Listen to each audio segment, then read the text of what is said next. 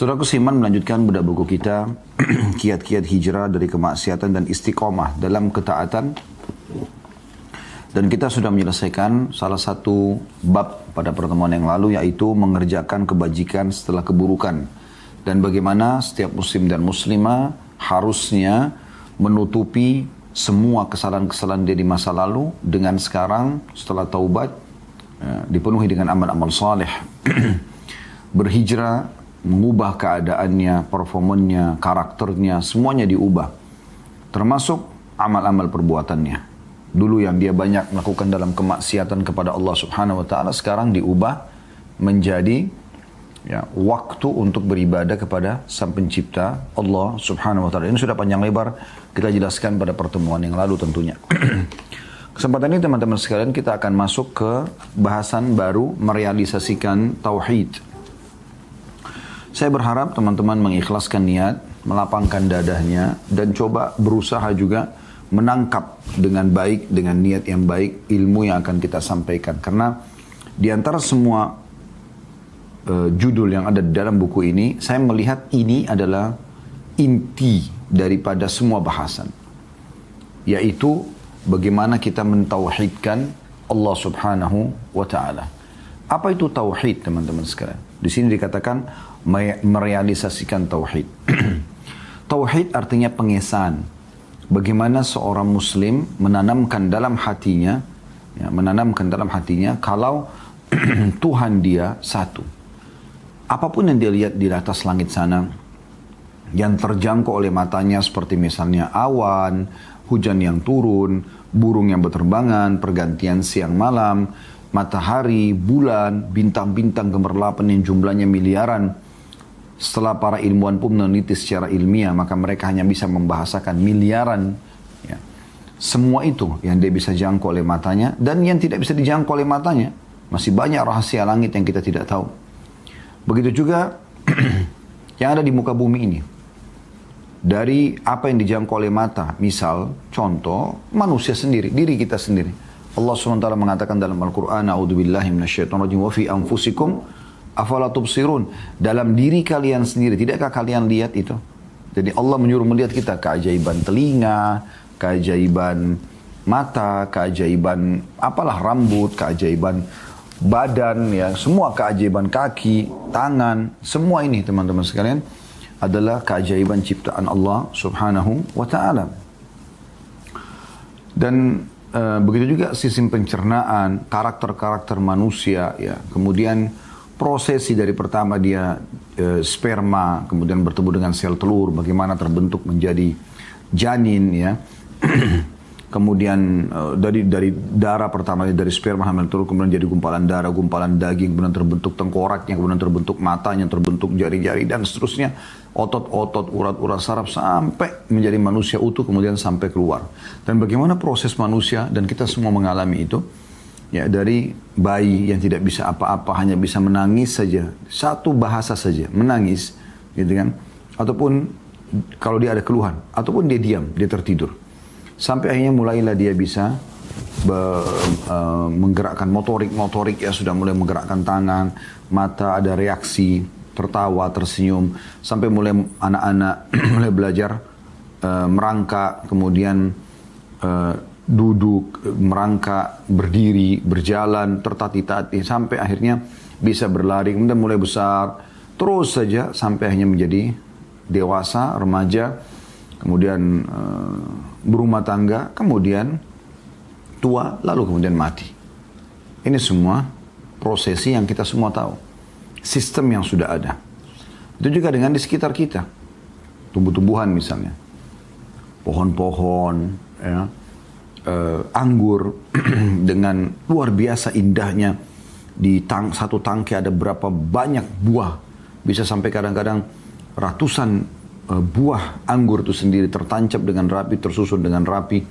Ya dan uh, saking indahnya sampai sering kali dijadikan gambaran oleh para pelukis atau dibuatkan imitasi uh, buah anggur yang diletakkan di meja makan misalnya ya Kemudian banyak hal lah yang berhubungan dengan masalah ini.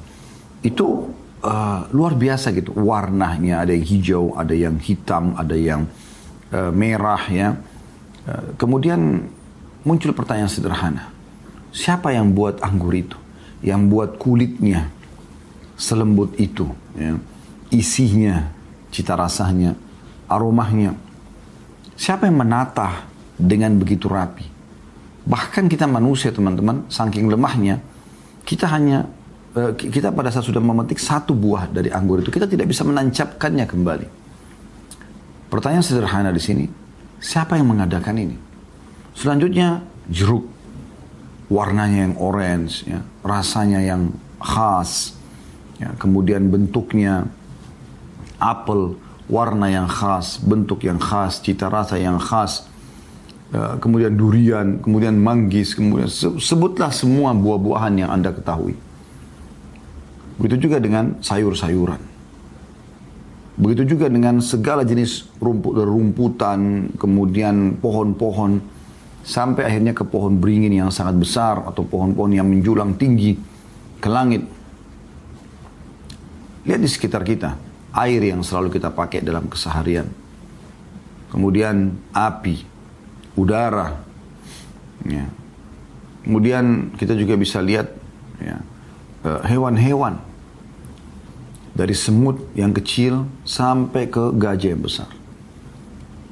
Jadi e, bentuk fisiknya, sistem pencernaannya, sistem pertahanannya, sampai para ilmuwan mengadakan penelitian dan pelajaran khusus tentang masalah itu. Itu saking luar biasanya itu.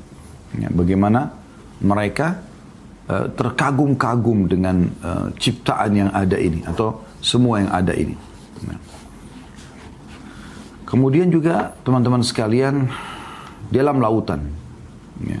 Itu yang tidak tadi terjangkau ya. Yang tidak terjangkau juga banyak. Yang tidak terjangkau banyak. Ya. Seperti misalnya eh, karakter-karakter, uh, maksudnya tidak terjangkau oleh mata kita ya. Seperti misalnya eh, karakter-karakter, uh, ya, uh, misalnya emosional, ya, emosi, pemaaf. Kan kita bisa rasakan, tapi kita nggak nggak nggak bisa nampak gitu, nggak lihat ya. Seperti yang tiap hari kita rasakan lapar, haus, ngantuk, capek, ya. Kita bisa rasakan, tapi nyata, tapi kita nggak bisa lihat dengan mata kepala, ya. Itu. E, begitu juga di dalam kelautan, dalam di, di kedalaman lautan. Berapa jumlah, berapa juta space ikan dan hewan-hewan ada di lautan. Dengan karakter-karakternya, dengan luar biasa gitu. Saya sampai pernah lihat ada di kedalaman sekian ribu meter di kedalaman lautan di tempat yang sangat dingin dan gelap ada yang hidup ubur-ubur hewan yang sangat tipis gitu dan bisa mengeluarkan cahaya karena ada aliran listrik itu sudah cukup sebenarnya itu semua teman-teman sekalian memberikan kepada kita jawaban tentang kalau ada yang bertanya apakah ada Tuhan maka jawabannya iya Kelebihannya, Anda sebagai seorang muslim, Anda sudah diberikan jawaban teman-teman sekalian.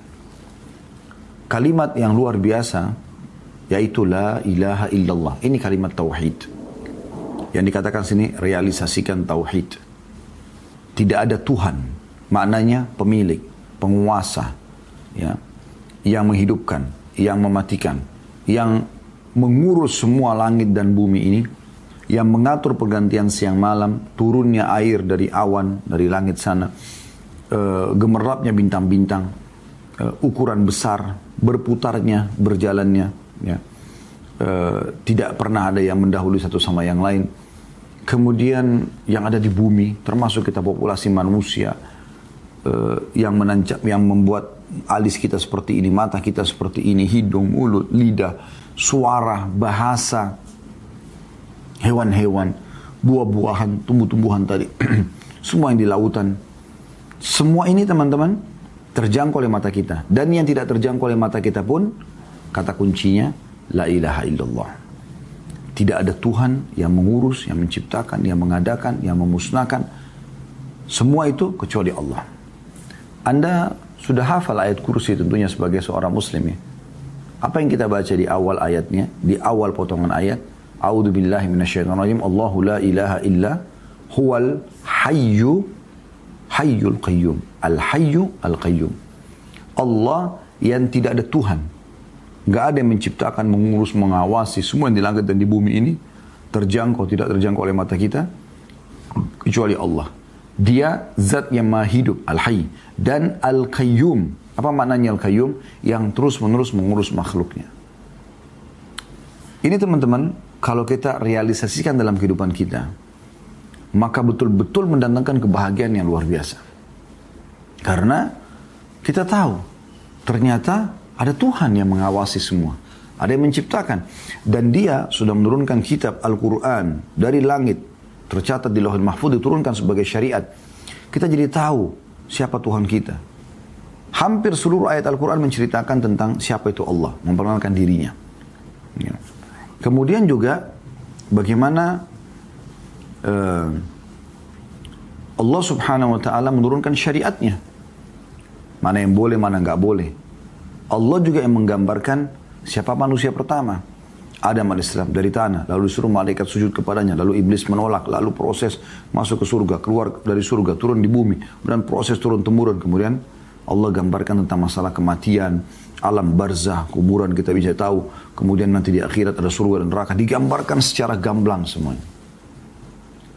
Lalu Allah memilih Rasul dari manusia supaya kita mudah untuk mengikutinya. Supaya kita mudah untuk mengikutinya. Karena kalau dari kalangan malaikat, kita bingung nanti mengikuti. Ya. Malaikat mungkin tidak tidur. Malaikat mungkin tidak punya hawa nafsu. Ya. Dalam arti kata, tidak seperti manusia. Mereka itu betul-betul fokus ibadah kepada Allah. Kalau kita ada dalam jiwa kita ada potensi keburukan dan kebaikan. Kalau malaikat cirinya mereka semuanya baik gitu. Allah ciptakan begitu. Memang untuk patuh kepada Allah Subhanahu wa taala. Ini semua teman-teman sekalian akan sangat membantu kita untuk tahu oh kita punya Tuhan dan kita ada di muka bumi ini ada tujuannya. Allah menyebutkan dalam banyak ayat Al-Qur'an. A'udzu billahi minasyaitonir rajim. Am hasibtum annama khalaqnakum abatha wa annakum ilaina la turja'un. Apakah kalian mengira Ya, kami menciptakan kalian sia-sia dan kalian tidak akan dikembalikan kepada kami. Begitu juga dengan firman Allah Subhanahu wa taala yang banyak menyinggung masalah ini ya. Uh, uh, dalam surah Az-Zariyat, "Umma khalaqtul jinna wal insa illa liya'budun." Aku enggak ciptakan jin dan manusia kata Allah kecuali untuk menyembah kepadaku. Coba kita jalan teman-teman dengan akalnya dulu orang-orang ateis supaya Anda mentauhidkan Allah ini faham. Kenapa kita mentauhidkan Allah? Kalau ada orang yang mengatakan tidak ada Tuhan misalnya. Seperti orang-orang ateis. Nggak ada Tuhan. Ini semua terjadi begitu saja. Seperti keyakinan orang komunis, orang ateis. Kan begitu mereka yakin. Baik. Pertanyaan sederhana. Kalau begitu, dari mana asal muasal semua ini? Dari mana tiba-tiba ada begitu saja? Apakah tiba-tiba teman-teman sekalian makanan bisa ada di depan mata kita tanpa ada yang menghidangkannya? Kira-kira tiba-tiba ada rumah tanpa ada yang membangunnya? Tiba-tiba listrik bisa nyala tanpa ada yang mengatur, mem membuat uh, aliran listrik tersebut dan juga yang menyalakannya. Maka ini semua jelas depan mata kita. Tidak mungkin semua ini terjadi begitu saja. Banyak orang subhanallah kagum dengan pelukis. Pada saat pelukis itu melukis misalnya Anda duduk di sebelah dia, dia duduk di pinggir pantai, kemudian dia melukis lautan yang di depan mata dia, air kebiru-biruan ya kemudian langit ada burung yang terbang ada pohon kelapa misalnya di situ ada awan dia lukis ada di sebelahnya kemudian dia lukis anda lihat mirip sekali kebanyakan manusia terkagum-kagum dengan pelukis tersebut ya.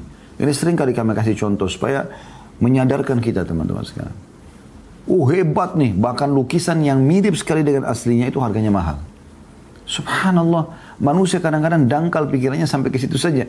Dia lupa kalau si pelukis ini hanya menciplak saja apa yang ada depan matanya. Dan lukisan yang dia buat itu hanya bisa dikenang saja. Oh, ini lukisan di pinggir pantai mana misalnya ya. Di satu negara, di satu kota pada tahun sekian oleh pelukis si fulan misalnya. Oke, dipajang saja. Diperjualbelikan dari tangan ke tangan pindah misalnya. Dan tidak bisa dirasakan, tidak bisa dirasakan sejuk airnya, nggak bisa dirasakan air uh, buah kelapanya, nggak bisa dirasakan terik mataharinya, nggak bisa dengar suara kicauan burungnya, nggak bisa. Tapi di depan mata yang dia ciplak itu, tiap hari kita bisa lihat generasi demi generasi manusia merasakan hal yang sama. kita bisa rasakan sejuknya dan air, air lautan, kita bisa rasakan teriknya matahari, kita bisa rasakan manisnya buah kelapa, kita bisa dengarkan kicauan burung yang berterbangan. Itu real, bergerak. Ini cuma lukisan. Mereka puji si pelukis, mereka lupa sang pencipta yang menciptakan itu. Jadi sangat tidak masuk akal sebenarnya kalau ada orang yang berfaham ateis. Karena bagaimana bisa ada sini semuanya? Gak mungkin kalau nggak ada yang menciptakan. Bahkan dalam diri kita sendiri. Ini ada sistem, kita nggak bisa bantah. Contoh misalnya, mata digunakan untuk melihat. Telinga mendengar, ya. hidung menghirup.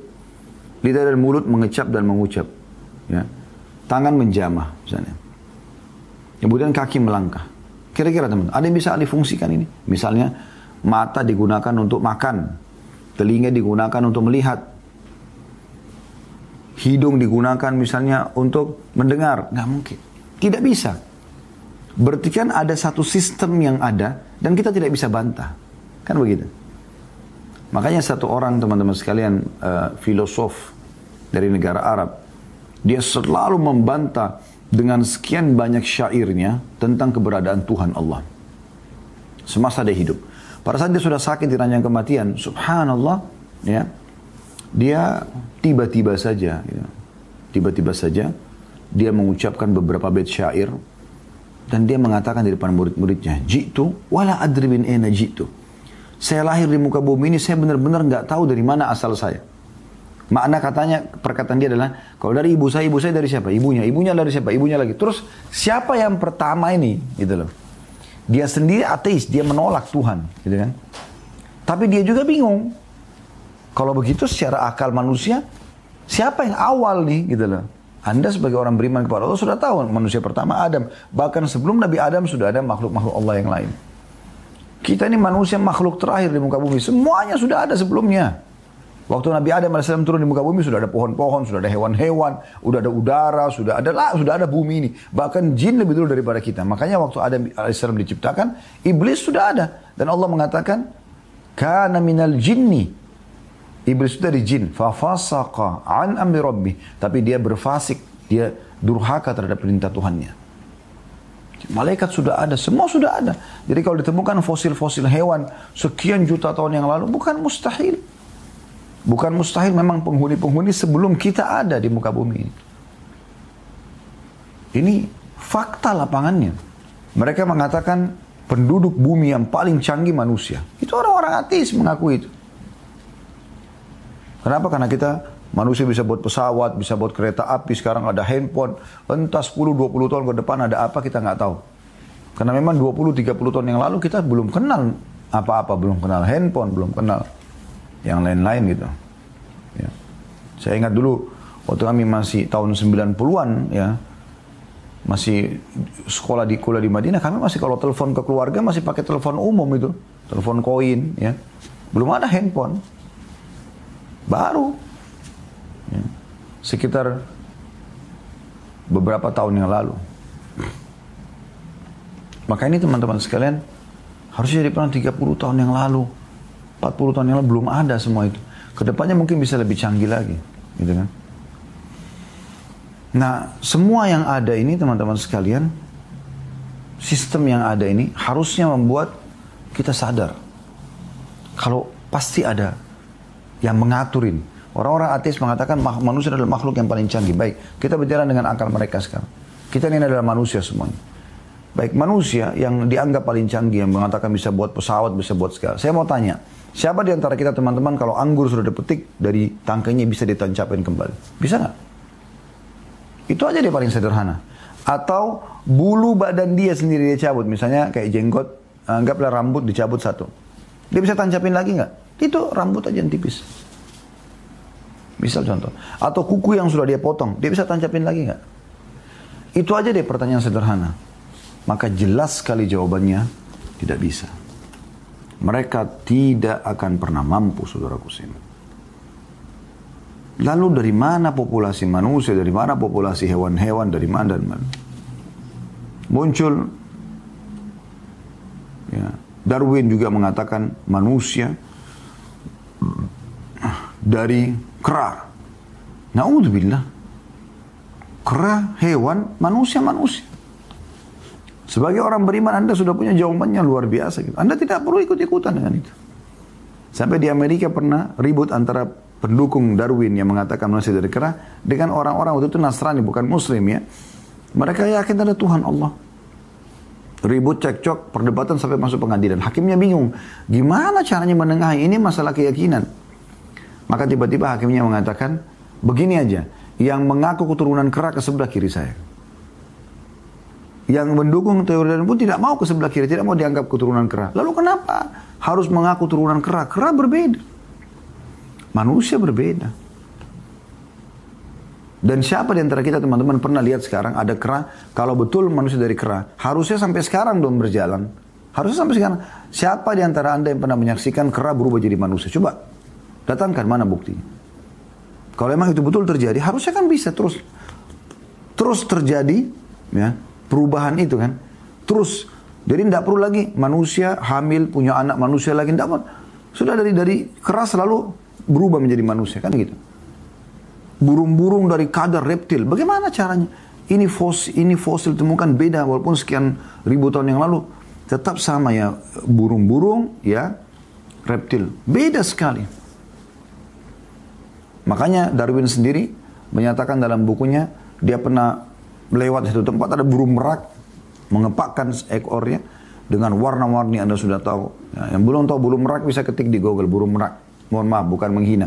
Mungkin ada teman-teman gitu masih masih kecil belum tahu bisa lihat. Atau tontonnya anak-anak lihat bagaimana KJW itu Darwin pada saat dia burung merak dia dia muak. Dan dia meninggal dalam kondisi dia menulis di bukunya dia mengatakan saya terus muak pada saat mengingat burung merak yang ada di hadapan saya karena saya tidak tahu dari mana asalnya karena biasanya dia setiap lihat hewan pasti dia bilang oh dari ini dari ini ditebak-tebak gitu menyusahkan hidup orang beriman subhanallah simpel ada Tuhanku namanya Allah Allah menurunkan syariat, Allah mengutus utusannya Rasul ya, pada kita Nabi Muhammad SAW dan sebelumnya ada Isa, ada Musa, ada Daud, ada Sulaiman, ada Shu'aib, ada Hud, ada Saleh, ada Nuh, ada Ibrahim, banyak. Alaihi wassalatu wassalam. Semuanya mengajarkan tentang ada Allah Subhanahu wa taala. Maka mentauhidkan Allah ini luar biasa teman-teman sekalian. Kita kembali kepada Ihya Abdul Madi tadi, seorang filosof Arab, dia juga sempat mengatakan Jitu wala adri ma'ina jitu saya ada di muka bumi saya tidak tahu dari mana asal saya. Fawajadtu tariq masyaitu dzalika syi'tu am abaitu. Saya menemukan satu sistem di depan mata saya. Saya mau nggak mau harus saya ikutin kayak pergantian siang malam. Siapa yang bisa menggantikan? Siapa yang bisa memberhentikan malam? Tidak usah ada malam. Siang aja. Nggak ada yang bisa. Siapa yang bisa melawan sistem lapar? Lapar aja. Siapa yang bisa melawan sistem haus? Dan coba dia ganti, misalnya pada saat dia lapar, ya, dia tidur, dia ganti. Pada tidur kan tuh orang kalau capek ngantuk ya, tetap tidak bisa. Bangun pasti lapar, harus makan. Sistemnya makan. Kalau nggak makan nggak hilang laparnya kan begitu. Coba anda ini ada sistem. Bagi, siapa yang buat sistem ini? Gak mungkin kalau nggak ada yang buat sistem ini. Kan gitu. Haus, siapa yang buat sistem? Kenapa kalau haus harus minum? Sistemnya kan begitu. Nggak bisa, kalau makan nggak bisa. Tidur nggak bisa, tetap haus. Anda bertahan, mati. Kalau tidak mau minum. Capek, tidur, istirahat. Bukan makan, Anda makan, makan, Anda ada gunanya. Pasti ngantuk. Lama-lama kalau Anda tahan, Anda tidur di pinggir jalan. Bersin, ada yang bisa tahan bersin? Bisa, susah. Gitu. Jadi ada sistem yang tidak bisa terbantahkan teman-teman. Subhanallah, Anda kalau mentauhidkan Allah SWT hidup tenang. Saya punya pengalaman pribadi teman-teman. Setiap kali ada masalah apa pun, seberat apa pun, subhanallah, Anda kalau kembalikan kepada tauhid, ada Tuhan Allah, Anda akan tenang sekali. Karena kalau nikmat sedang melimpah pada kita, kita lagi sehat, kita lagi kuat, kita lagi ada rezeki, segala macam lah. Kita butuhkan ada pun ini. Nah, kita sadar dengan tauhid yang ciptakan saya Allah, yang ciptakan nikmat ini Allah, yang bisa pertahankan hanya Allah. Kalau kita lagi ada musibah, cobaan apa pun, seberat apa pun teman-teman, yang ciptakan kita Allah. Yang ciptakan cobaan itu Allah, yang bisa menghilangkan hanya Allah. Demi Allah teman-teman, kalau anda pergi kepada selain Allah tidak akan menemukan jalan keluarnya. Mustahil. Walaupun ada konsultasi dengan seribu manusia. Orang yang bertauhid kepada Allah tenang sekali hatinya. Karena dia tinggal wudhu, sholat, mohon kepada Tuhannya. Itu kan luar biasa gitu. Jadi merealisasikan tauhid ini bukan hal yang ringan, hal yang luar biasa dan terlalu banyak bukti kalau Allah itu pencipta. Terlalu banyak bukti. Yang paling baik kita kembali kepada kitab Al-Quran. Bagaimana Allah subhanahu wa ta'ala menggambarkan tentang dirinya. Dan hampir semua surah dalam Al-Quran berbicara tentang masalah-masalah seperti ini. Bisa anda buka surah Al-Imran. Surah nomor. Mulai dari ayat satunya deh. Ya, beberapa ayat ke depan kita baca. A'udzubillahi minasyaitonir alif lam mim. Alif lam mim huruf-huruf pertama dalam Al-Quran yang Allah lebih tahu maknanya. Lalu Allah sebutkan tentang dirinya. Allahu la ilaha illa huwal hayyul qayyum. Allah yang tidak ada Tuhan. Nggak ada pencipta, pemilik, penguasa. Yang berhak disembah melainkan dia. Dia yang maha hidup dan terus menerus mengurus makhluknya. Populasi ada memberikan makan, menurunkan hujan, menggantikan siang malam. Lalu Allah mengatakan, Nazzala alaikal kitaba bil haqqi lima baini yadayhi wa anzala taurata wal injil. Dia yang telah menurunkan Alkitab Al-Quran kepada Muhammad. Dengan sebenarnya dan membenarkan kitab yang telah diturunkan sebelumnya dan menurunkan Taurat juga Injil. Ada kitab-kitab yang turun bisa kita baca. Mengenal siapa Allah subhanahu wa ta'ala. Min qablu hudan linnasi wa anzala al-furqan. Innal ladina kafaru bi ayati Allahi lahum adzabun syadid wallahu azizun dzuntiqam. Sebelum Al-Quran diturunkan Taurat dan Injil, menjadi petunjuk bagi manusia dan dia menurunkan Al-Furqan. Al-Quran maksudnya ya, pembeda antara hak yang batil disilakan dengan Al-Furqan. Sesungguhnya orang-orang yang kafir terhadap ayat-ayat Allah, tidak mau beriman pada Al-Quran, akan memperoleh siksa yang berat. Dan Allah maha perkasa lagi maha berat atau memiliki siksaan.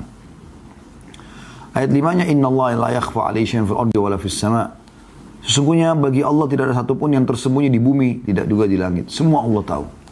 Itulah Tuhan. Ayat 6-nya, huwa alladhi yusawwirkum fil arhami kaifa yasha, la ilaha illa huwal azizul hakim. Dialah yang telah membentuk kamu dalam rahim sebagaimana dikehendakinya. Tidak ada Tuhan yang berhak disembah melainkan Dia yang Maha perkasa lagi Maha bijaksana. Dari mana teman-teman sekalian sperma, sel telur bertemu? Ya, kalau Anda belum tahu Anda bisa lihat teman-teman sekalian bagaimana uh, prosesi itu. Saya pernah nonton cuplikan secara ilmiahnya bentuk sperma seperti apa dan berapa miliar sperma itu yang tertumpahkan dari kemaluan laki-laki pada saat dia klimaks itu banyak gumpalan-gumpalannya itu ada miliaran sperma kecil-kecil. Dan sperma itu subhanallah secara ilmiah dipelajari oleh para ilmuwan. Ada bagian kepala ada bagian badan ada bagian ekor. Dan ekor itu bergerak jadi kayak cacing gitu jadi bergerak itu yang mendorong sperma masuk terus ke rahim gitu kan dan yang luar biasa sperma ini pada saat masuk di rahim rahim itu punya sistem pertahanan uh, zat asam yang luar biasa yang bisa menyelamatkan rahim dari serangan-serangan dari luar penyakit-penyakit. Maka dia bisa mematikan sperma. Dari sekian miliar, sperma ini banyak yang mati. Yang lolos cuma satu, dua. Kalau dua berarti kembar nanti ya. Satu kebanyakan. Kayak kita sekarang. Anda mayoritas manusia adalah cuma satu. Jadi kita ini pemenang dari sekian miliar ya sperma, calon sperma yang gagal. Dan yang luar biasa secara ilmiah, dimasukkan, dipakai kamera canggih, itu uh, jadi nyata ya, bagaimana sperma itu jalan di rahim gitu. Ber, pada saat dia berkumpul gitu ya, itu diadakan penelitian para ilmuwan, tapi tentu tidak diperlihatkan wanitanya. Cuma kayak ada kamera, dia kayak bergerak e, si sperma ini di satu tempat, kemudian ada yang mati-mati, dan ada yang lolos gitu. Nah kemudian datangkan ilustrasi ilmiahnya. Nah yang lolos ini, dia jalan teman-teman sekalian. Yang luar biasa dia seperti punya petunjuk, dia harus ke mana. Jadi dia jalan terus, dia jalan terus di rahim itu. Perjalanan dia cukup jauh. Kalau kita mungkin pendek aja, tapi bagi sperma itu jauh sekali dia jalan gitu kan. Kemudian diperlihatkan juga sel telur. Sel telur itu lebih halus daripada debu. Secara ilmiah ya. Dia keluar, uh, diproduksi dari uh, pinggul ya, atau sisi kanan dan sisi kiri perempuan yang bertukar-tukaran setiap bulannya. Dia keluar. Dia lebih halus. Kemudian dia tuh akan jalan di sisi rahim. Di sisi rahim itu ada rambut-rambut halus secara ilmiah diperlihatkan waktu itu ya. Kemudian sper, uh, apa, ini akan di, di bawah. Dan rambut-rambut ini subhanallah searah semuanya. Ya, seperti ditiup oleh angin, itu searah. Ini ilustrasi ilmiahnya ya. Tidak diperlihatkan aslinya sebenarnya. Tapi dilihatkan telur itu jalan, dia bilang, kata para ilmuwan tersebut, kalau seandainya, ini asalnya dari bahasa asing ya, uh, kalau seandainya uh, satu saja rambut-rambut yang ber, berjejer yang akan menukil sel telur itu lawan arah dalam arti kata bukan searah dia, seirama jadi kayak pohon yang berjalan searah begitu sehingga sel telur ini bisa jalan terus menuju ke depan, maka mungkin sel telur tidak akan sampai. Tapi kuasa Allah dia akan jalan, kemudian dia akan melekat di salah satu sudut rahim, lipatan rahim, itu yang seperti dapat perintah dia harus ke situ. Dan yang luar biasa sperma tadi jalan sampai mengetahui seperti ada sinyal dia bisa menangkap di mana sel telur itu. Itu luar biasa itu ya secara ilmiah. Kemudian pada saat ketemu, maka para ilmuwan mengatakan, di sini diadakan penelitian lagi. Pada saat ketemu, sperma kan punya ekor yang bergerak tuh. Bagaimana dia? Kalau dia masuk ke sel telur dan ekornya tetap ada, maka dia akan merusak sel telur itu. Subhanallah, pada saat dia melengket di dinding sel telur itu, maka ekornya akan terlepas. Siapa yang melakukan proses ini, teman-teman sekalian?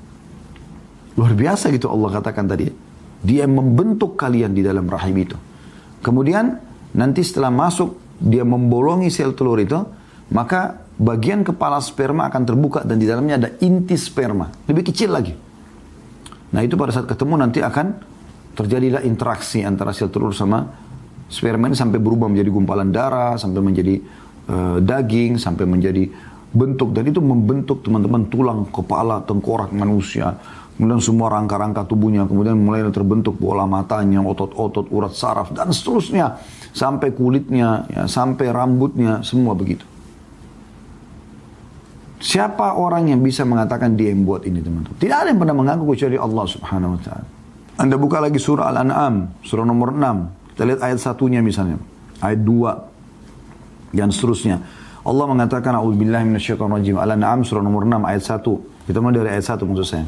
Alhamdulillahilladzi khalaqas samawati wal arda wa ja'ala adh-dhulumati wan nur thumma alladhina kafaru bi rabbihim ya'dilun. Segala puji bagi Allah yang telah menciptakan langit dan bumi. Menciptakan dari tidak ada menjadi ada.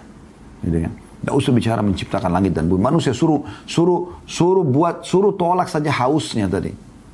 Dan suruh dia alihkan dari selain minum. Ada nggak sistem? Dia bisa buat nggak sistem lain? Tidak bisa. Segala puji bagi Allah yang telah menciptakan langit dan bumi dan mengadakan gelap dan terang. Siang dan malam. Namun orang-orang kafir mempersekutukan sesuatu dengan Tuhan mereka. Lalu Allah bilang, "Huwallazi khalaq" ini ayat ayat 3 ayat 2-nya. "Huwallazi khalaqakum min tinin thumma qada ajalan wa ajalun musamman 'indah, thumma antum tantarun, tamtarun." Dia yang telah menciptakan kamu dari tanah, sudah itu ditentukanlah ajal kematianmu. Semua kita pasti akan mati. Siapa yang bisa tolak kematian? Dan ada lagi satu ajal ada di sisinya yang dia sendiri yang mengetahuinya. Kemudian kamu masih ragu-ragu tentang bangkit tersebut artinya akan dibangkitkan kita pada saat sudah mati itu. Ayat tiganya, wa huwa Allahu fis samawati wa fil ard ya'lamu sirrakum wa jahrakum wa ya'lamu ma taksibun. Dan Dia adalah Allah yang berhak disembah baik di langit maupun di bumi. Dia mengetahui apa yang kamu rahasiakan dan apa yang kamu lahirkan atau nampakkan dan mengetahui pula apa yang kamu usahakan. Ayat empatnya, wa ma ta'ti min ayati min ayati rabbim illa kanu anha mu'ridin. Namun sayangnya, tidak ada satu ayat pun dari ayat-ayat Tuhan sampai kepada mereka, melainkan mereka selalu berpaling darinya atau mendustakannya. Ya. Terus mereka digambarkan Allah SWT dan ini cukup panjang ya ayat-ayat ini. Saya ambil potongan-potongan awalnya saja ya. Kemudian juga kita bisa lihat uh, dalam surah Yunus, surah nomor 10. Kita lihat ayat 1 misalnya. Ini saya coba ambil di awal-awal ayat saja ya. Hampir semua Al-Quran itu isinya memperkenalkan tentang Tuhan Allah subhanahu wa ta'ala. Surah Yunus surah nomor 10 dari ayat satunya. A'udzubillahi minasyaitonirrajim. Alif lam ra. Tilka ayatul kitabil hakim. Alif lam ra. Inilah ayat-ayat Al-Quran yang mengandung hikmah. Mengandung ilmu, pengetahuan. Ayat 2-nya akana linnasi ajaban an auhayna ila rajulin minhum an anzirin nasa wa basyiril ladina amanu anna lahum qadama sidqin inda rabbihim Qala al-kafiruna inna hadha lasahirun mubin. Patutkah menjadi kebenaran, patutkah menjadi keheranan bagi manusia bahwa kami mewahyukan kepada seorang laki-laki di antara mereka. Diutusnya Nabi Muhammad wasallam. Berilah peringatan kepada manusia dan gembirakanlah orang-orang yang beriman bahwa mereka akan mempunyai kedudukan tinggi di sisi Tuhan mereka. Orang-orang kafir berkata, sungguhnya orang ini atau Muhammad wasallam benar-benar adalah tukang sihir yang nyata. Lalu Allah menjelaskan, kalau yang utus Muhammad adalah ini loh, ayat 4, ayat 3-nya. Inna rabbakumullahu alladhi khalaqas samawati wal arda fi sittati ayyamin thumma stawa 'ala al-'arsh. Yudabbiru al-amr, ma min syafi'in illa min ba'di idzni. Dzalikumullahu rabbukum fa'budu afala tadhakkarun. Sesungguhnya Tuhan kalian adalah yang menciptakan kalian yang mengadakan malam dan siang menurunkan hujan. Semua yang tadi kita panjang lebar jelaskan ini adalah Allah.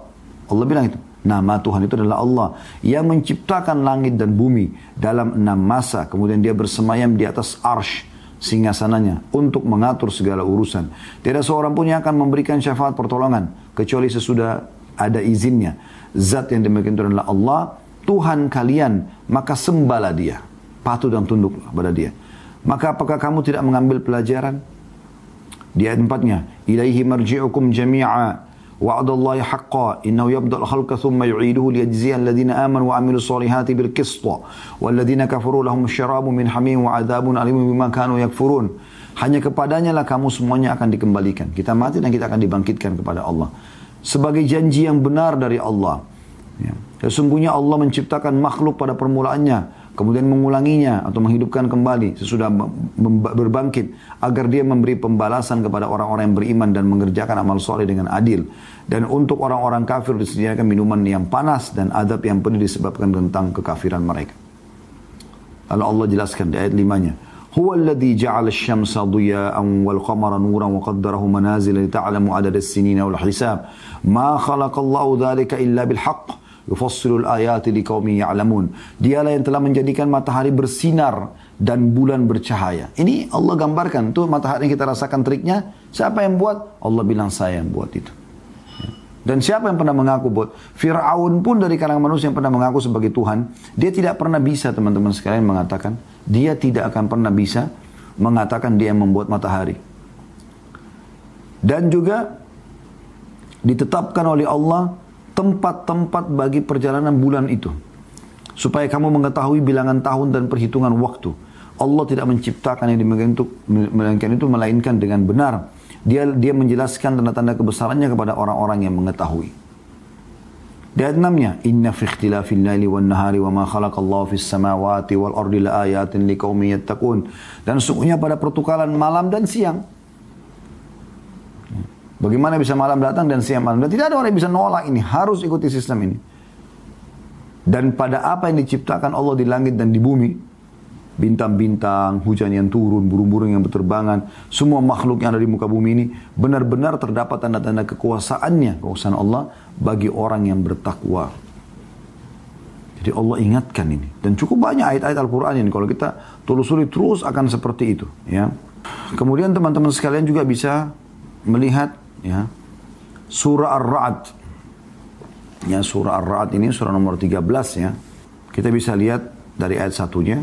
A'udzubillahi Alif Lam Mim Ra. Tilka ayatul kitab walladzi unzila ilaika min rabbikal haqq walakin aktsaran nasi la yu'minun. Alif Lam Ra.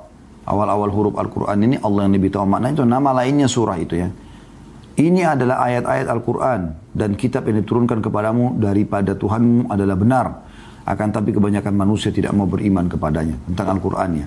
Lalu Allah jelaskan yang turunkan Al-Qur'an ini loh. Nah, ayat duanya. Allahul ladzi rafa'a as-samawati bighairi 'amadin tarawunaha thumma istawa 'alal 'arsy qamar kullun yajri li ajalin musamma yudabbiru al-amra yufassilu al-ayati la'allakum bi liqa'i rabbikum tuqinun. Allah lah yang telah meninggikan langit tanpa tiang sebagaimana yang kamu lihat. Ya, tiang, langit tidak ada tiangnya, tapi kokoh tidak rubuh gitu kan. Kemudian dia bersemayam di atas arsh, sehingga sananya Allah di atas langit. Dan menundukkan matahari dan bulan. Maksudnya, matahari selalu terbit pagi, bulan malam hari. Tidak pernah bertukar-tukaran ini. Masing-masing beredar hingga waktu yang ditentukan, sampai hari kiamat.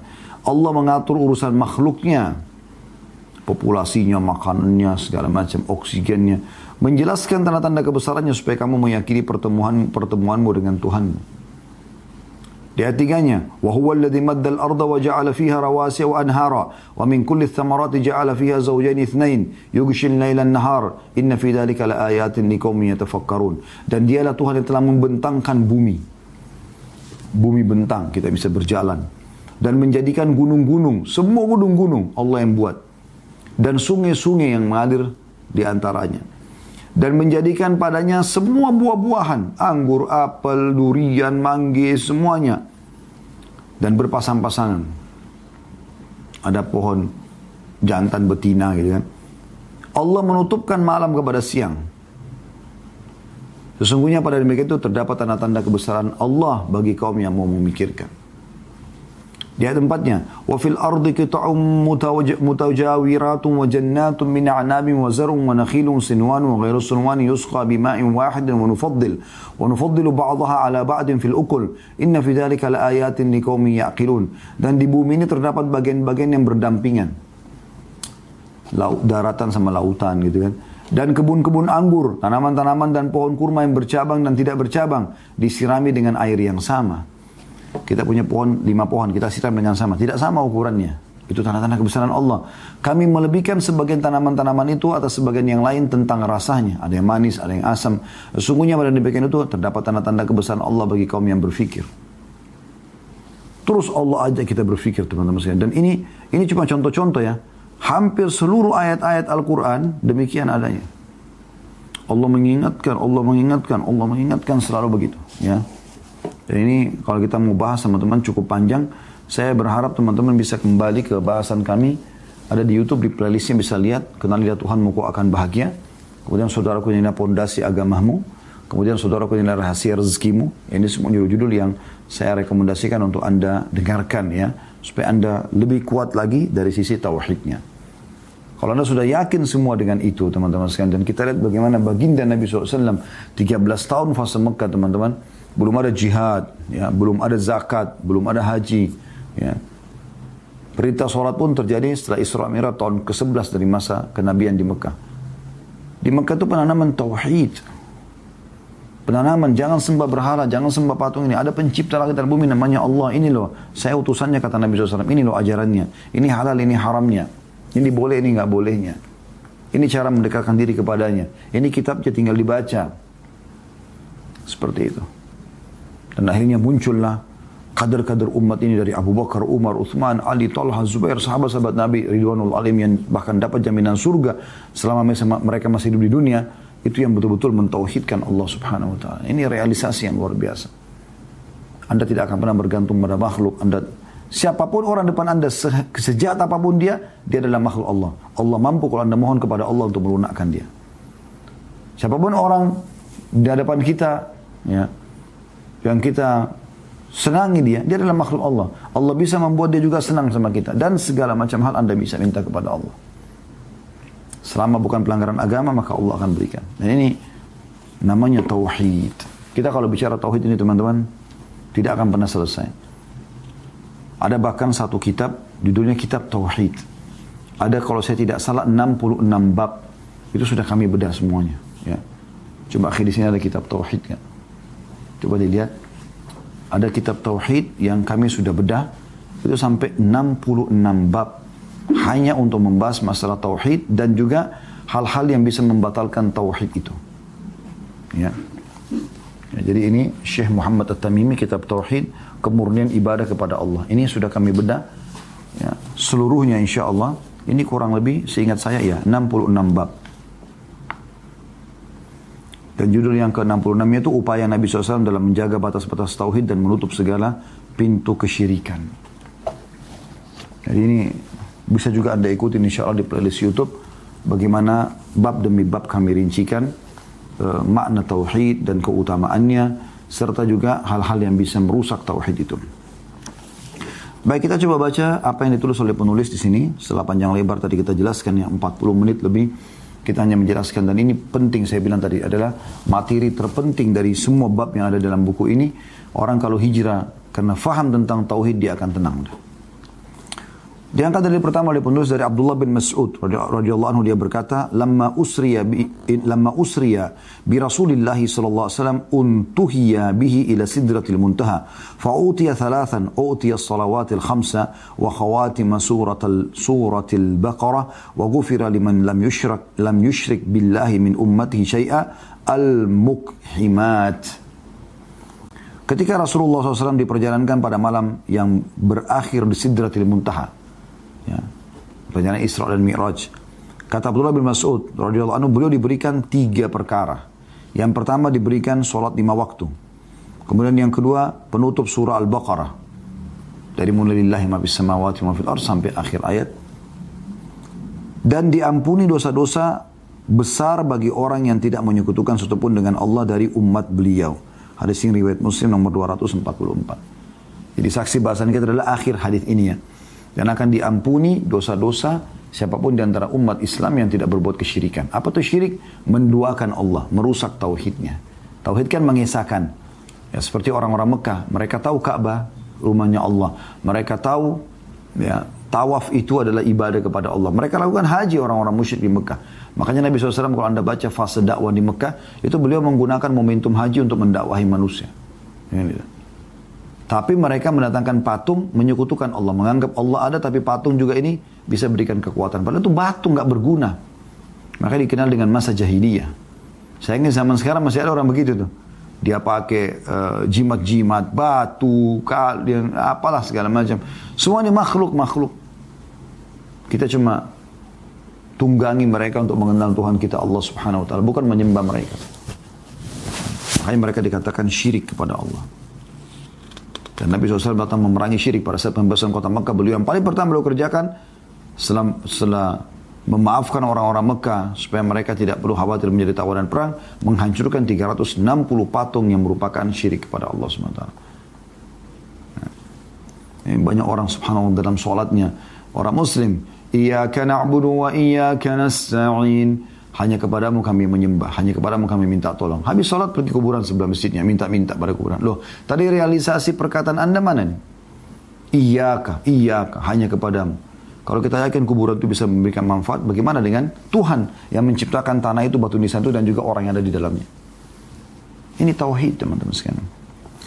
Yang kedua dari Abi Dzar radhiyallahu anhu dia menuturkan Rasulullah SAW bersabda, "Yaqulullah, man ja'a bil hasanati falahu asyru amsalha wa azid." Siapa yang melakukan satu perbuatan kebaikan, aku akan berikan sepuluh kali lipat balasan pahala. Atau mungkin aku menambahnya, kata Allah. Jadi Anda kalau mau kerjakan sholat, Anda niat dari awal mau sholat, misalnya, misalnya mau sholat malam sebelum tidur, Anda sudah dapat satu pahala. Kalau Anda kerjakan bisa jadi sepuluh kali lipat. Wa man jabi sayyati fajaza'uhu sayyi'atun mithluha. Dan siapa yang buat dosa akan dibalas dengan satu saja catatan dosa. Awakfir atau Allah bisa bisa maafkan kata Allah. Waman taqarraba minni shibran, taqarrabu minhu dhira'an, taqarrabtu minhu ziraan. Siapa yang mendekat, mendekatkan diri kepada aku satu jengkal saja. Dia sedikit saja upaya. Ya. Maka aku akan dekatkan diri kepadanya satu hasta. Waman taqarraba minni dhira'an, taqarrabtu minhu ba'an.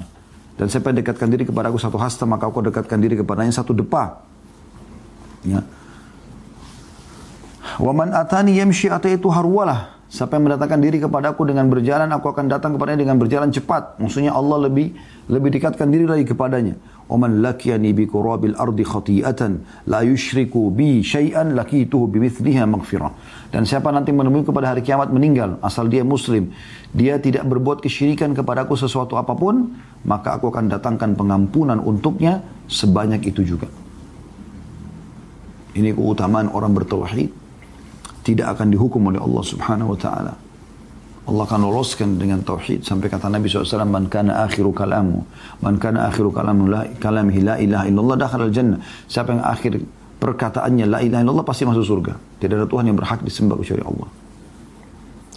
Kalimat tauhid kata beliau atau la ilaha illallah, tidak ada Tuhan yang berhak disembah kecuali Allah akan bermanfaat pada hari di mana seseorang mencari sesuatu yang dapat membebaskan dirinya sebagaimana Nabi SAW bersabda inna Allah sayukhallisu rajulan min ummati ala, ala ru'usil khalaiki yaumul qiyamah fayanshuru alaihi tis'atan wa tis'ina sijila كل سجيل مثل مد البصر ثم يقول أتنكر من من لا تنكر من هذا شيئا أظلمك كتب كتبتي الحافظون فيقول لا يا ربي فيقول أفلك عذر فيقول لا يا ربي فيقول بلى إن لك عندنا حسنة فإنه لا ظلم عليك اليوم فتخرج بطاقة فيها أشهد أن لا إله إلا الله وأشهد أن محمدا عبده ورسوله. فيقول احضر وزنك فيقول يا رب ما هذه البطاقة مع هذه السجلات؟ Qala innaka la tudlam. Qala satuda'us fatuda'us sijillati fi kaffatin wal bitaqatu fi kaffa. Fatashatil sijillatu wa thakulatil bitaqa. Fala yathkulu masmillahi ta'ala. Sesungguhnya Allah akan memilih seseorang dari umatku. Jadi dari umat Islam. Bukan orang lain. Kita bicara orang kafir, orang Islam ini di hadapan semua makhluk pada hari kiamat. Lalu dia Allah membuka baginya 99 catatan. Masing-masing catatan sepanjang mata memandang. Dosa semuanya. Kemudian Allah bertanya, apakah kamu mengingkari ini sedikit pun? Zinanya, bohongnya, segala macam dosa-dosa. Apakah para pencatatku, kata Allah, para malaikat yang terpercaya, telah zalim kepadamu? Maka dia menjawab, tidak wahai Tuhanku. Benar semua ini, dia akuin. Dan ini teman-teman keberuntungan bagi orang yang tidak membantah pada hari kiamat. Karena siapa yang membantah Allah hari kiamat pasti celaka. Karena Allah punya banyak bukti. Allah bertanya, apakah kamu memiliki uzur? Ada alasan? Dia menjawab, tidak wahai Tuhanku. Memang aku melakukannya. Dia akui. Lalu Allah mengatakan, ya, tapi kamu memiliki kebajikan di sisiku. Sesungguhnya tidak ada kezaliman terhadapmu hari ini. Lalu dikeluarkanlah sebuah kartu yang padanya tertulis dua kalimat syahadat. Asyhadu an la ilaha illallah wa asyhadu anna Muhammadan abduhu wa rasuluh. Aku bersaksi tiada Tuhan yang berhak disembah kecuali Allah dan Muhammad adalah hamba juga utusannya. Lalu Allah mengatakan, hadir hadir hadirkanlah timbangan. Orang itu mengatakan, wahai Tuhanku, apa artinya kartu ini dibandingkan catatan-catatan ini? Satu kartu tulisannya syahadat, yang sisanya 99 buku, satu buku seluas pandangan mata, semuanya isinya dosa. Dia heran, bagaimana bisa nanti kartu yang tulisan syarat ini bisa mengalahkan dosa-dosa ini semua? Karena dia akan diselamatkan ke surga ini. Allah menjawab, kamu tidak akan dizalimi. Lalu diletakkanlah catatan-catatan tersebut di satu timbangan dan kartu tersebut ditaruh di sisi yang lain. Ternyata catatan-catatan itu lebih ringan daripada kartu itu. Karena tidak ada sesuatu pun yang lebih berat daripada nama Allah. Ini di akhirat. Di dunia pun diberikan kebahagiaan. Orang yang bertauhid tentram Nikmat dia bersyukur, cobaan dia bersabar. Dan selalu yakin akan ada pertemuan dengan Tuhannya, ada akhirat, maka dia selalu semangat untuk mengerjakan ibadah dan juga semangat untuk taubat dari dosa-dosa. Kata penulis realisasi tauhid dan menjauhi segala yang dapat merusaknya adalah salah satu perkara yang dapat mengantarkan seorang hamba dengan izin Allah untuk merealisasikan kedudukan tersebut. Ibnu Qayyim rahimahullah berkata, diampuni bagi ahli tauhid sejati yang tidak mencampur tauhid tersebut dengan kesyirikan apa yang kesyirikan apa yang tidak diampuni bagi orang yang tidak demikian? Sekiranya orang yang bertauhid yang mana dia sama sekali tidak menyekutukan sesuatu dengan Allah bertemu Tuhannya dengan membawa dosa sepenuh bumi maka dia Allah akan memberikan ampunan sepenuh itu pula. Ia atau ini tidak berlaku bagi orang yang tauhidnya kurang atau tidak sempurna. Sebab tauhid murni yang tidak tercemar oleh syirik tidak ada suatu dosa yang tetap bersamanya. Karena tauhid mencakup cinta kepada Allah dan pengagungan kepadanya. Rasa takut dan pengharapan kepadanya semata yang mengharuskan terhapusnya dosa-dosa. Meskipun sepenuh bumi. Sebab najis adalah perintang sedangkan pengusirnya lebih kuat. Ini Ibnu Qayyim mengatakan mungkin dari kitab Fathul Majid ya. Kemudian dikatakan oleh beliau di sini, Mungkin sebagian di antara kita bertanya-tanya, apakah tauhid itu? Dan mengapa jauh dari syirik membuat kedudukan seperti ini? Untuk menjawab pertanyaan tersebut, Al-Allama atau seorang alim Ibnu Qayyim rahimahullah mengatakan, ketahuilah bahwa penafian secara umum terhadap kesyirikan, yakni tidak menyekutukan sesuatu pun dengan Allah sama sekali. Jadi tidak bergantung pada jimat, pada dukun, pada pohon, pada segala macam. Itu tidak akan muncul dari orang yang tetap meneruskan kemaksiatan kepada. Saya ulangi, ketahuilah bahwa penafian secara umum terhadap kesyirikan, yakni tidak menyekutukan sesuatu pun dengan Allah sama sekali, tidak akan muncul dari orang yang tetap meneruskan kemaksiatan selamanya. Tidak mungkin orang yang senantiasa melakukan dosa besar dan terus-menerus melakukan dosa kecil, tauhidnya murni, nggak mungkin. Jadi artinya ini nanti akan diselamatkan kalau orang itu memang tauhidnya bersih. Karena kalau orang tauhid kepada Allah pasti akan muncul di mana dia kalau habis buat dosa dia menyesal. Dia menyesal gitu ya. Sehingga dia tidak menyekutukan sesuatu pun dengan Allah. Dia tidak menyekutukan sesuatu pun dengan Allah. Ini termasuk sesuatu yang paling mustahil. Dan jangan perhat jangan perhatikan orang yang suka mendebat yang sama sekali tidak memiliki amalan-amalan hati.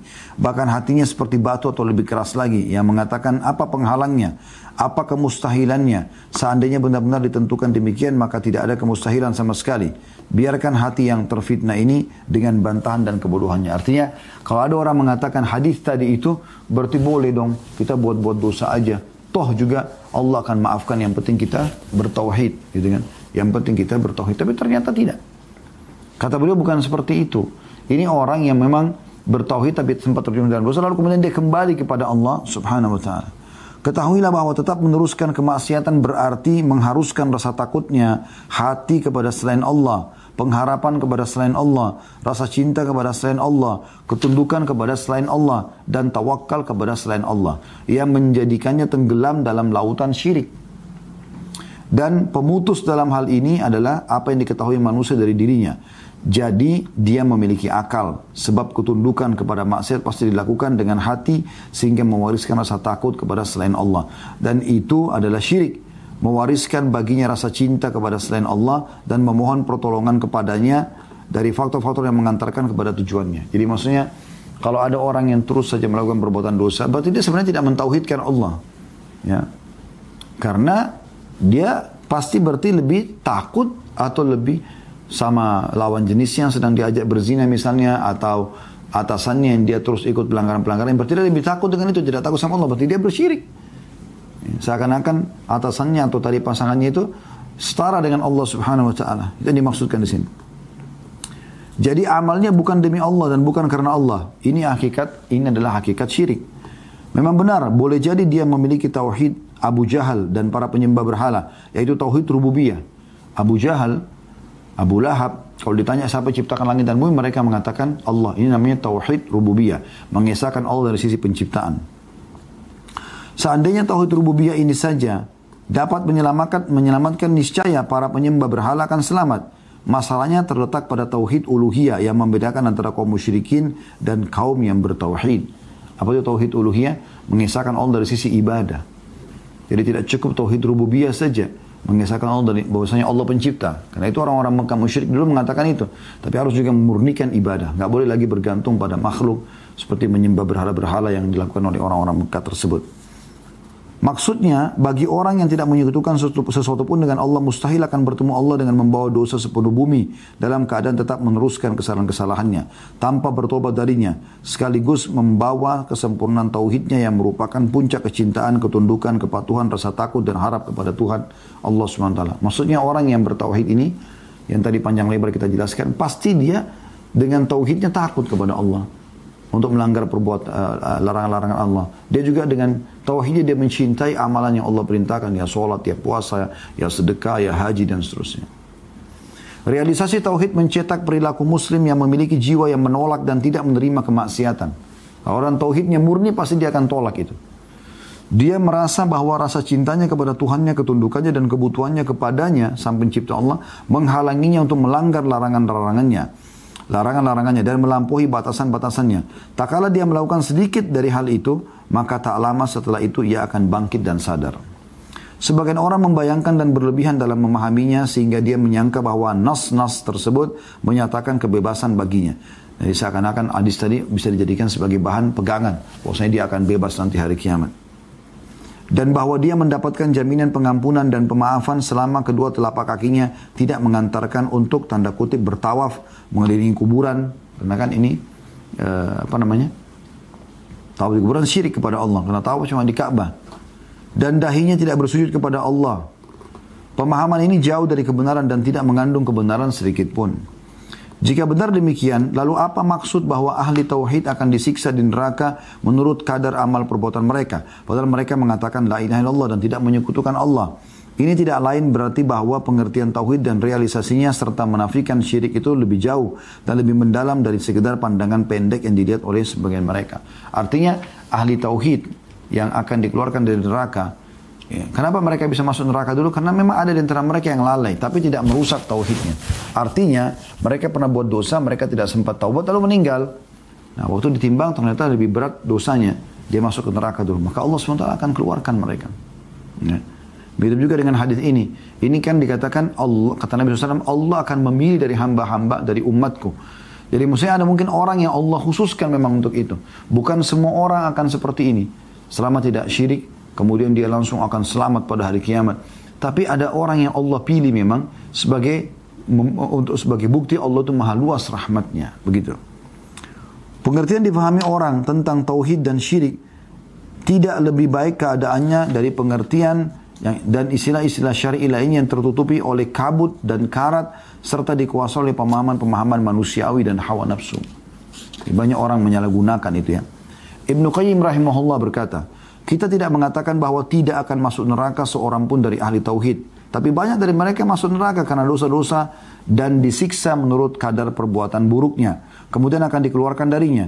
Tidak ada kontradiktif di antara dua perkara tersebut bagi orang yang mengetahui apa yang telah kami kemukakan tadi. Ya. Jika anda mengetahui hal itu, wahai saudaraku yang mulia, maka hendaklah anda mengumumkan berpisah dan tidak rujuk lagi dengan pemahaman-pemahaman yang kaku yang memberikan gambaran kepada si empunya pemahaman tersebut bahwa mereka terbebas dari syirik dan merealisasikan tauhid hanya sekedar men, e, menjadi menjauhi simbol-simbol tertentu atau menghafal ungkapan-ungkapan tersebut. Bahkan hanya sekedar karena dilahirkan di negeri tauhid dan nasabnya bersambung serta tidak putus dengan ahli tauhid. Artinya ini semua panjang lebar penjelasan tentang masalah. Jangan sampai disalahgunakan hadis tadi. Ya. karena orang kan kalau fahami Allah mengatakan kalau seandainya orang datang menemuku, menemui pada hari kiamat, sebanyak bumi dosanya lalu kemudian dia tidak bersyirik, Allah akan datangkan pengampunan sebanyak itu pula. Nah ini jangan sampai orang bersandar dengan itu. Kalau gitu saya yang penting tidak syirik. Nah, Ibnu Qayyim menjelaskan, dengan dia terus memilih dosa, dia seakan-akan melakukan kesyirikan. Karena dia lebih cinta kepada dosa itu atau kepada ajakan syaitan daripada Allah subhanahu wa ta'ala. Jadi yang dimaksud sini adalah, Bagaimana orang-orang ahli tauhid yang pernah berbuat dosa, memang qadar Allah, Allah takdirkan mereka meninggal sebelum sempat bertobat. Lalu ditimbang dosanya lebih berat, maka mereka masuk neraka dulu. Nah itu yang dimaksud di sini. Atau Allah bisa maafkan. Allah datangkan Allah maafkan dia. Ibnu Qayyim rahimahullah berkata lagi, kita tidak akan mengatakan bahwa tidak akan masuk neraka seorang pun dari ahli tauhid. Tapi banyak dari mereka yang masuk neraka karena dosa-dosanya dan disiksa menurut kadar perbuatan buruknya. Kemudian akan dikeluarkan darinya. Tidak ada kontradiksi di antara dua perkara tersebut bagi orang yang mengetahui apa yang telah kami kemukakan tadi. Kata beliau, jika anda wahai saudaraku yang mulia, hendaklah mengumumkan uh, berpisah atau tidak rujuk lagi dengan pemahaman-pemahaman yang kaku yang memberikan gambaran si empunya pemahaman tersebut bahwa mereka terbebas dari syirik dan merealisasikan tauhid hanya sekedar menjauhi simbol-simbol tertentu untuk menghafal ungkapan-ungkapan tersebut bahkan hanya sekedar karena dilahirkan di negeri tauhid dan nasabnya bersambung serta tidak terputus dengan ahli tauhid. Jadi bukan berarti karena ayahnya tidak bersyirik kemudian dia pun memberikan dirinya pasti selamat. Tidak, dia harus selamatkan dirinya. Dengan Anda mengetahui kebutuhan Anda yang mendesak untuk merealisasikan tauhid dalam hati dan senantiasa mengoreksinya, Anda akan mengetahui bahwa tauhid itu bertingkat-tingkat, berfase-fase, dan berderajat-derajat yang berbeda-beda. Karena itu, Anda harus berusaha mendakinya dan berlomba. Ibnu Qayyim rahimahullah juga mengatakan, ketahuilah bahwa cahaya la ilaha illallah akan menguat, akan menguak kabut dosa, tergantung kuat atau lemahnya cahaya tersebut. Sebab kalimat tersebut memiliki cahaya. Ahli tauhid berbeda-beda dalam hal kuat dan lemahnya cahaya tersebut yang hanya diketahui oleh Allah yang maha tinggi. Sebagian orang ada yang cahaya kalimat tersebut dalam hatinya seperti matahari. Ada orang yang cahaya kalimatnya tersebut dalam hatinya seperti bintang yang bersinar terang. Ada orang yang cahaya kalimat itu dalam hatinya seperti api unggun yang besar. Yang lainnya seperti pelita yang terang. Dan yang lainnya lagi seperti pelita yang lemah cahayanya.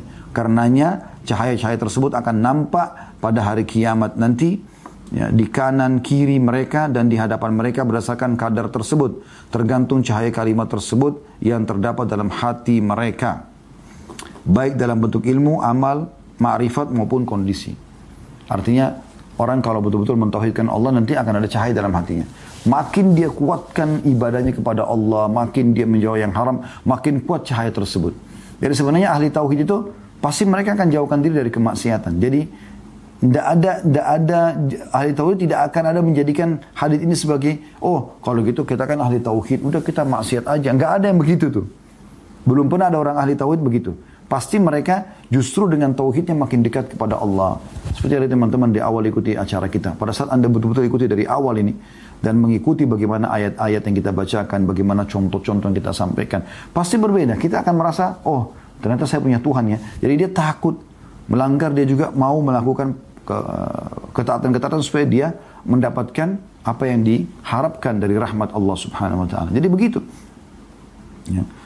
Dan ini tingkatan-tingkatan tergantung. Kata beliau karena ahli tauhid itu bertingkat-tingkat dan berbeda-beda sedemikian rupa, maka hasil dan buah tauhid itu di dunia dan di akhirat juga berbeda-beda pula. Masih Ibnu Qayyim menjelaskan Ibnu Qayyim menjelaskan pengaruh hal itu dalam perkataannya semakin cahaya kalimat itu besar dan kuat maka ia membakar syubhat dan syahwat menurut kekuatannya. Makin kuat kita mentauhidkan Allah, maka makin banyak membakar hawa nafsu. Kita jadi tidak mau berbuat dosa, jadi takut kepada Allah. Bahkan ada kalanya ia mencapai keadaan di mana syubhat, syahwat dan dosa yang bertabrakan dengannya pasti terbakar. Hilang maksudnya. Inilah keadaan orang yang benar dalam tauhidnya yang tidak menyekutukan sesu sesuatu pun dengan Allah. Dosa, koma, syahwat dan syubhat yang mendekati cahaya itu pasti akan terbakar. Ya, jadi dosa yang diikuti dengan hawa nafsu syahwat dan juga syubhat. Syubhat ini ragu-ragu, benar nggak sih gitu Ya akan hilang. Dosa, syahwat atau syubhat yang mendekati cahaya itu pasti akan terbakar. Langit keimanannya telah dijaga dengan bintang-bintang dari semua pencuri kebaikannya. Pencuri tidak akan bisa mengambilnya kecuali saat lengah dan lalai yang memang hal itu bersifat manusiawi. Jika dia sadar dan mengetahui apa yang telah dicuri darinya, maka dia merampasnya kembali dari pencuri dari pencurinya atau berusaha berkali lipat untuk mencari dengan mencarinya. Dia senantiasa demikian menghadapi para pencuri, baik dari kalangan jin maupun manusia. Bukan seperti orang yang sengaja membuka pintu ke, ke perbendaharaannya untuk mereka dan punggungnya berpaling dari pintu tersebut. Karena itu marilah kita umumkan wahai saudaraku yang mulia untuk merealisasikan tauhid dalam hati kita dan memenuhinya dengan kecintaan kepada Allah dan mengagungkannya serta membebaskan diri dari ketergantungan dengan selainnya dan mengharapkan atau menghadapkan diri kepada selainnya. Jadi tinggalkan semua selain Allah SWT dan ketahuilah kesimpulannya adalah tauhid bertingkat-tingkat tergantung daripada bagaimana kita mengenal Tuhan kita Allah. Makin kuat tauhid tersebut, cahayanya makin kuat, makin menghilangkan semua syahwat dan syubhat dari hati kita. Allahu alam. Kita akan masuk insya Allah pertemuan akan datang nanti dengan judul baru jangan berpisah dengan orang-orang baik. Ini termasuk salah satu uh, subjudul yang akan kita bahas insya Allah berhubungan dengan masalah hijrah.